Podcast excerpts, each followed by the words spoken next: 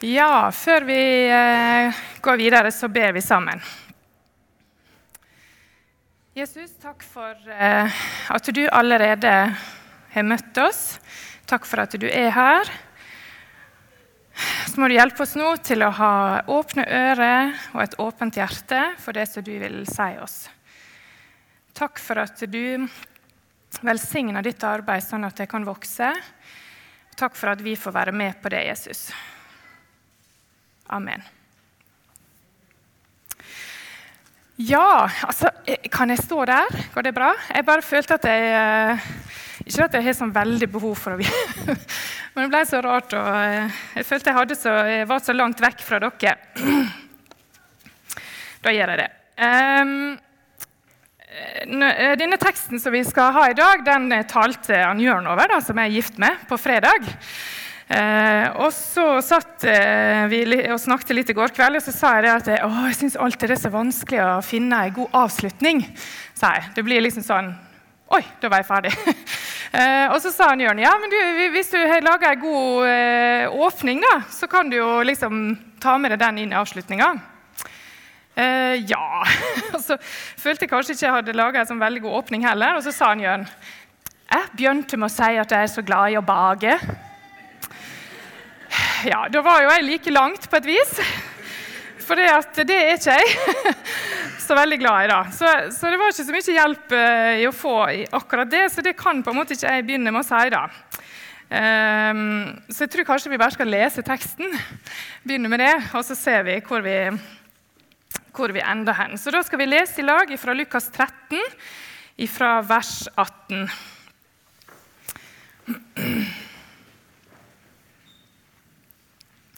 Så sa han, 'Hva er Guds rike likt? Hva skal jeg sammenligne det med?' Det er likt et sennepsfrø som en mann tok og sådde i hagen sin. Det vokste og ble til et tre, og himmelens fugler bygde rede i greinene på det. Igjen sa han, 'Hva skal jeg sammenligne Guds rike med?' Det er likt en surdeig som en kvinne tok og la inn i tre mål mel så, hel, så det hele til slutt var gjennomsyret. Amen. Denne lignelsen eh, som dette er, det er en lignelse som Jesus forteller her, den finner vi både i Matteus og i Markus, og så her i Lukas, som vi leste i dag. I Matteus og Markus er de plassert sammen med mange forskjellige lignelser. Lignelsene kommer på en måte som perler på ei snor.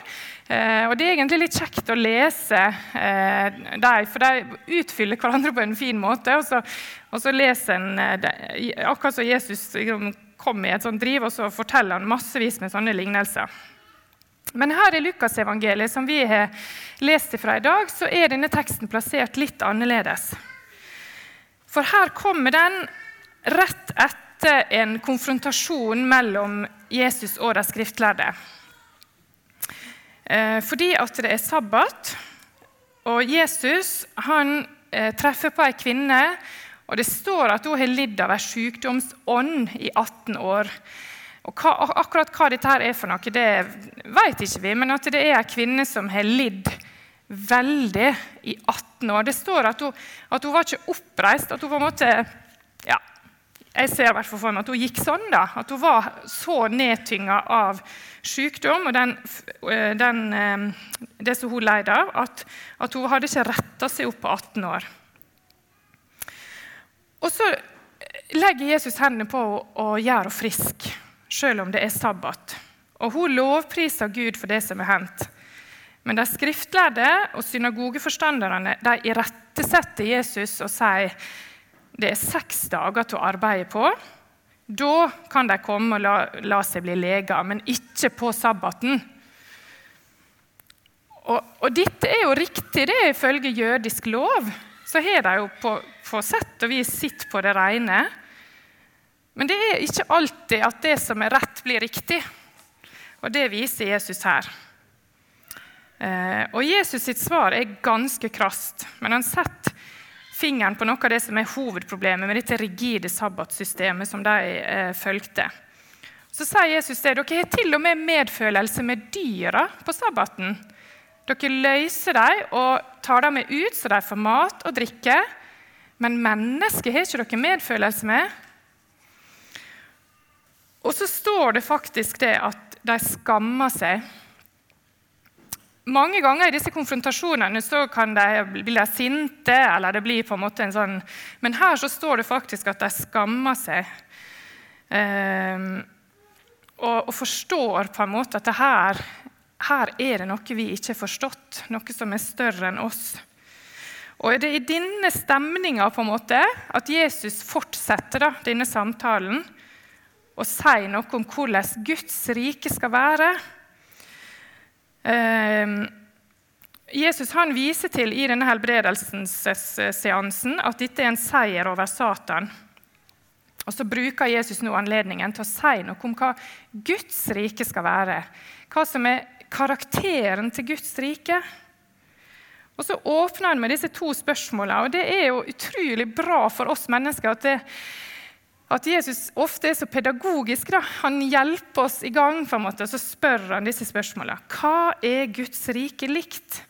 Hva skal jeg sammenligne det med? Og så står jo ikke det, men vi kan jo tenke oss at han tenker sånn at dere skal forstå det. Men det sier ikke han da. Men han sier det. Hva skal jeg sammenligne Guds rike med? Og så møter vi disse kjente ordene om sennepsfrøet. Jeg tror jeg kanskje lærte på søndagsskolen at det var det minste frøet i verden, men det er det altså ikke. Det er ikke det minste. Eh, men det er et veldig lite frø. Et lite og litt sånn unnselig frø. Men som ved å så det i hagen og la det vokse, så blir det til ei høg plante. Nesten som et tre. Eh, mange meter høyt. Og lignelsen peker her på denne kontrasten mellom denne bitte, bitte lille starten, dette som ser så eh, lite og unnselig ut, og så til denne imponerende avslutninga. Og akkurat dette jo, ser jo vi mye av nå, i denne tida som vi er i nå på våren. Nå våkner alt til liv rundt oss. Det som så så dødt ut. Plutselig disse trærne som ser jo veldig lite levende ut på vinteren, så skyter de nye skudd. Og det, det, sprenger på med liv rundt oss. Og dette finstilte maskineriet som naturen er, og det er jo helt fantastisk hvis en tar, tar seg tid til å tenke litt over det, det viser oss at vi tok feil igjen. Denne vinteren som vi ikke trodde skulle ta slutt, den tok faktisk slutt. Og så blir det vår og nytt liv. Og det skjer uten at vi bidrar med noe som helst så skjer det. Til og med i mitt bed så skjer det noe. Og det er et aldri så lite under. Um, og så bruker Jesus både dette bildet og denne surdeigsklumpen. Denne lille, gjær, dette lille med gjær som skal til for at hele deigen blir gjennomsyra. Um, det som ser så lite ut, det blir noe stort uten at vi bidrar så veldig mye. Jeg har lyst til å ta med to perspektiver fra denne teksten. Og det første perspektivet det var Hans Anton også litt inne på. Det er dette misjonsperspektivet som denne teksten viser oss. Fordi at Guds rikets karakter er at det vokser. Det sprer seg. Og Da Jesus brukte disse ordene om dette sennepsfrø, så, så, var jo det veldig passende. Altså Det var Jesus, og så var det disse her, denne gjengen rundt han. da, som, som Det var noe forskjellig samla i, i, gjengen rundt Jesus på den tida også. Jeg tenker at vi må ta med oss sjøl inn i det.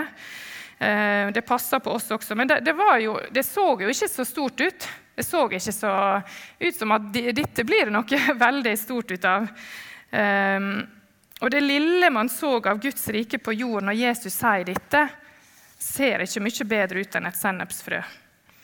Og Jesus sjøl ble jo møtt med disse ordene. Er ikke han fra Nasaret? Sønn av Josef Kan det komme noe godt fra Nasaret? Ser ned på Jesus. Eh, og hvem tror han at han er? sant? En mann fra bygda. Kan det komme noe godt ut av dette? Men Jesus han visste det at Guds rike, det vokser. I Matteus 24, 14 så står det og dette evangeliet om riket skal forkynnes i hele verden til vitnesbyrd for alle folkeslag, og så skal enden komme. Enden skal ikke komme før alle folkeslag har fått høre. Evangeliet om riket, dette Guds rike, skal bli forkynt til alle jordens ender. Alle folkeslag, alle tungemål. Og så kan Jesus komme igjen. Guds rike det vokser, det sprer seg, det smitter videre. Og det lar seg altså ikke stoppe av landegrenser eller språkbarriere. Og Jeg er veldig glad for at jeg kan få være med i en sammenheng, i en organisasjon som har dette som et sånt kjempeviktig mål. At mennesker i, i nye områder i verden må få høre om hvem Jesus er. Og Derfor så opplever vi stadig at nye folk melder seg og sier kan jeg få reise? Og til og med nå når det er områder der det er kjempevanskelig å drive misjon, som står igjen. Som gjør at en ikke kan ha kontakt hjem igjen på tradisjonelt vis. Kan ikke ha dobbeltsidig utsyn eller bli tatt fram på GF og vist fram. Eh, og det er bra å gjøre det. altså. Jeg syns det er bra at vi gjør det. Men akkurat disse som, som nå reiser til disse områdene som er så vanskelige å, å, være og leve i, det er for farlig å fortelle hvem de er. Og så må vi være trofaste likevel. sant? Og be og gi, sjøl om ikke vi får vite så veldig mye. Kanskje må vi være enda mer trofaste nå når det, det er sånn. Gud kaller mennesket.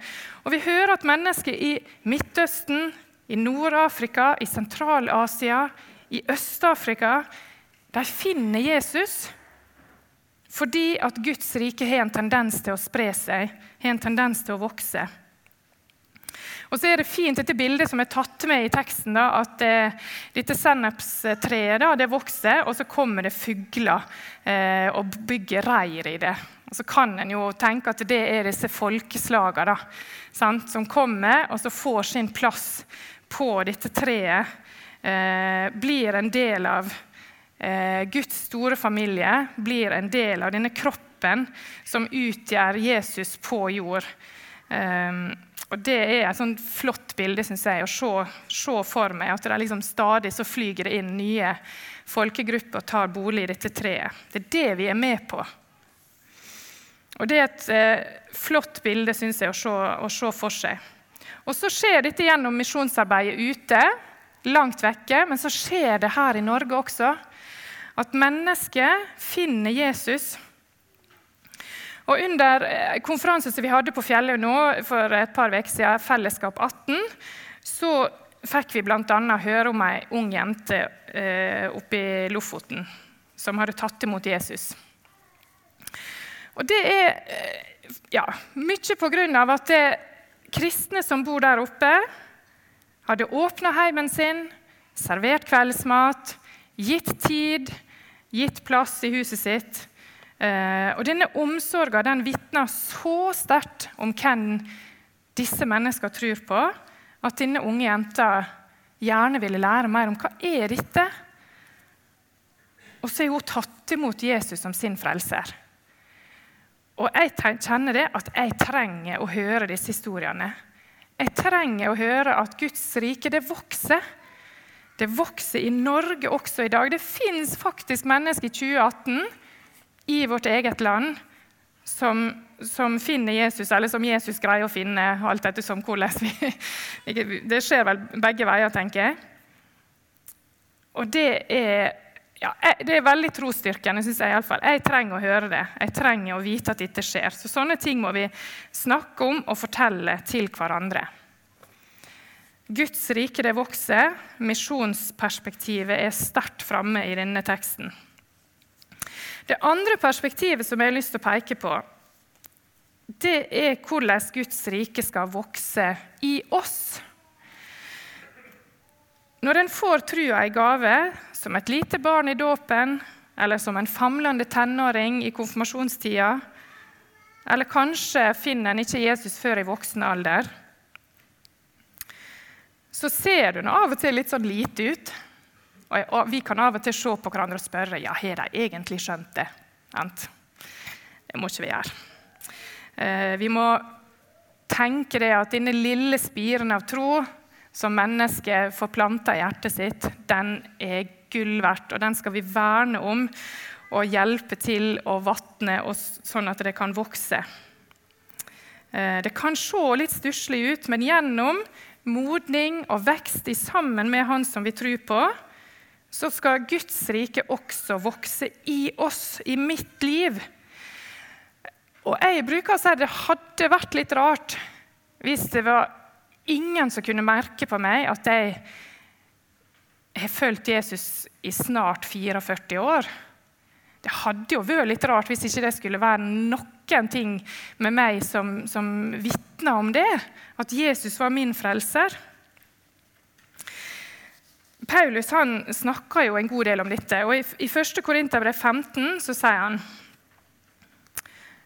Aller sist viste han, altså Jesus, seg for meg, jeg som bare er et ufullbåret foster. For jeg er den minste av apostlene. Jeg er ikke verdig til å kalles apostel, for jeg har forfulgt Guds rike. Men ved Guds nåde er jeg det jeg er, og Hans nåde mot meg har ikke vært bortkastet. For jeg har arbeidet mer enn noen av dem, det vil si ikke jeg, men Guds nåde mot meg. Nei, men Guds nåde som er med meg. Eller i Efeserane 4,20 så sier han men dere er ikke slik. Dere har jo gått i lære hos Kristus. Dere har hørt ham og fått opplæring i ham ut fra den sannhet som er i Jesus. Lev da ikke som før, men legg av det gamle mennesket som blir ødelagt av de forførende lystne.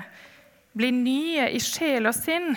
Kle dere i det nye mennesket som er skapt i Guds bilde, til et liv i sann rettferd og hellighet det at denne surdeigen skal gjennomsyre oss, det skal på en eller annen måte vise igjen. Og Det handler ikke om at vi blir fullkomne, for det blir ikke vi. Men vi er hellige. Vi skal få lov til å tro at vi er hellige fordi vi hører Jesus til. Og ikke sånn at vi skal gå og slå oss sjøl på brystet, men det skal skje noe med oss når vi ehm, eh, er i sammen med Jesus.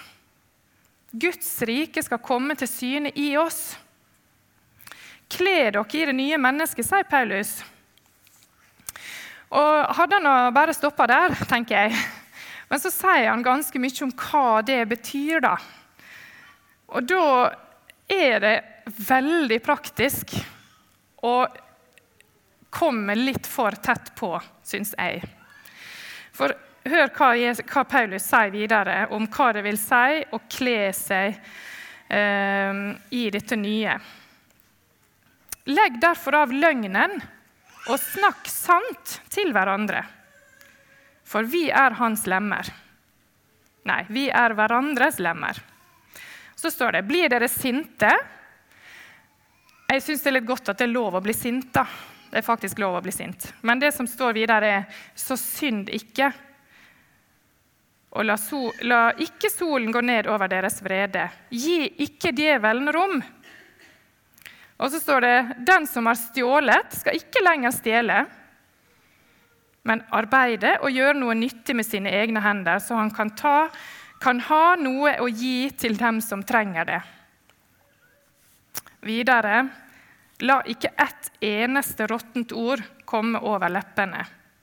Si bare det som er godt, og som bygger opp der det trengs, så det kan bli til velsignelse for dem som hører på. Dette begynner å bli vanskelig. Gjør ikke Guds hellige ånd sorg, for ånden er det seil dere er merket med, helt til frihetens dag. Og så, når vi ikke trodde det kunne bli verre, så står det slutt med all hardhet og hissighet, med sinne, bråk, spott og all annen ondskap.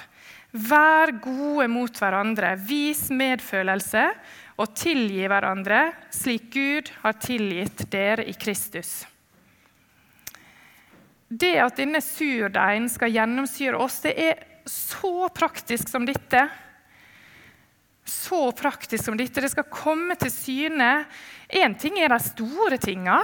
Én ting er å stå her. Det er jo for så vidt ikke så vanskelig egentlig. En må forberede seg, da. Men, men utover det så er det jo, det er mye vanskeligere når jeg kommer hjem igjen etterpå. Å leve dette.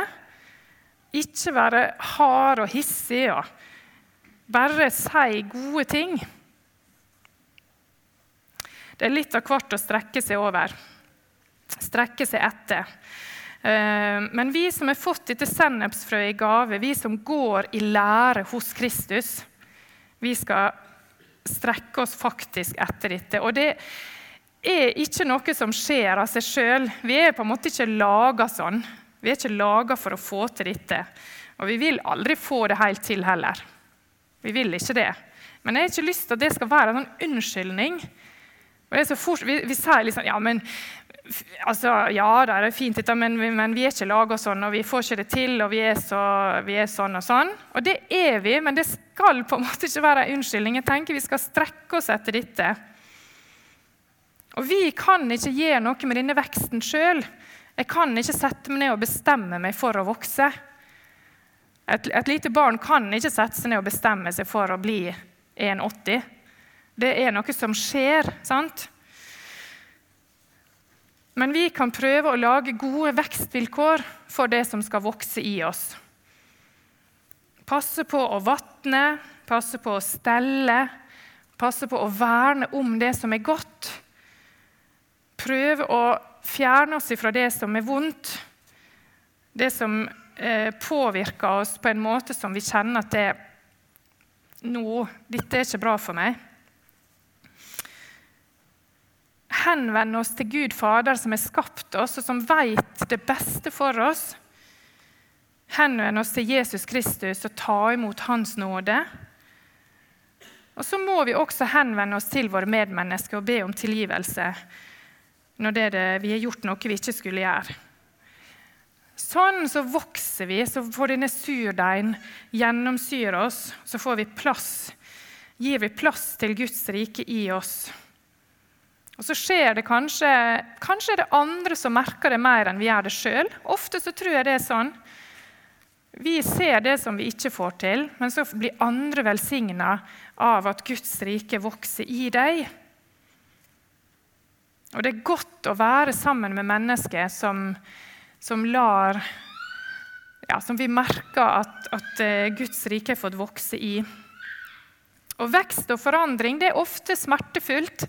Ofte så, så følger det med smerte eh, for å bli voksne, for å, å, vokse sånn som Bibelen sier vi skal. Så Det var de to punktene som jeg hadde lyst at vi skulle ta med fra denne teksten. Det ene er dette misjonsperspektivet. Eh, at Guds rike det vokser i verden, og så vokser det, skal det også få rom til å vokse i oss. Eh, så konklusjonen er vel at det går an å si noe om denne teksten selv om man ikke er så glad i å bake. Um, og at en kan få være med på Guds plan likevel. det er bra det er sånn. Um, men vi kalles altså til å gå i lære hos Jesus Kristus, han som kjøpte oss fri, og la han få rom i livet vårt. Da tror jeg det vil vokse i oss, og så vil det automatisk på en måte bli at vi blir en del av Guds rike som sprer seg utover jorda også. Skal vi be sammen? Jesus, dette er så vanskelig. Det er så vanskelig å gi deg rom og plass. Eh, men nå ber vi deg om at du må hjelpe oss til å greie det.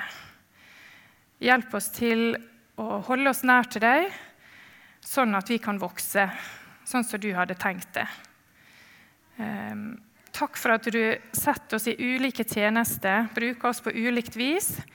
Og så skal vi til sammen få være din kropp her på jord. Og så må du hjelpe oss til å vise medfølelse med hverandre, til å være gode med hverandre, helt til du kommer hjem, Jesus.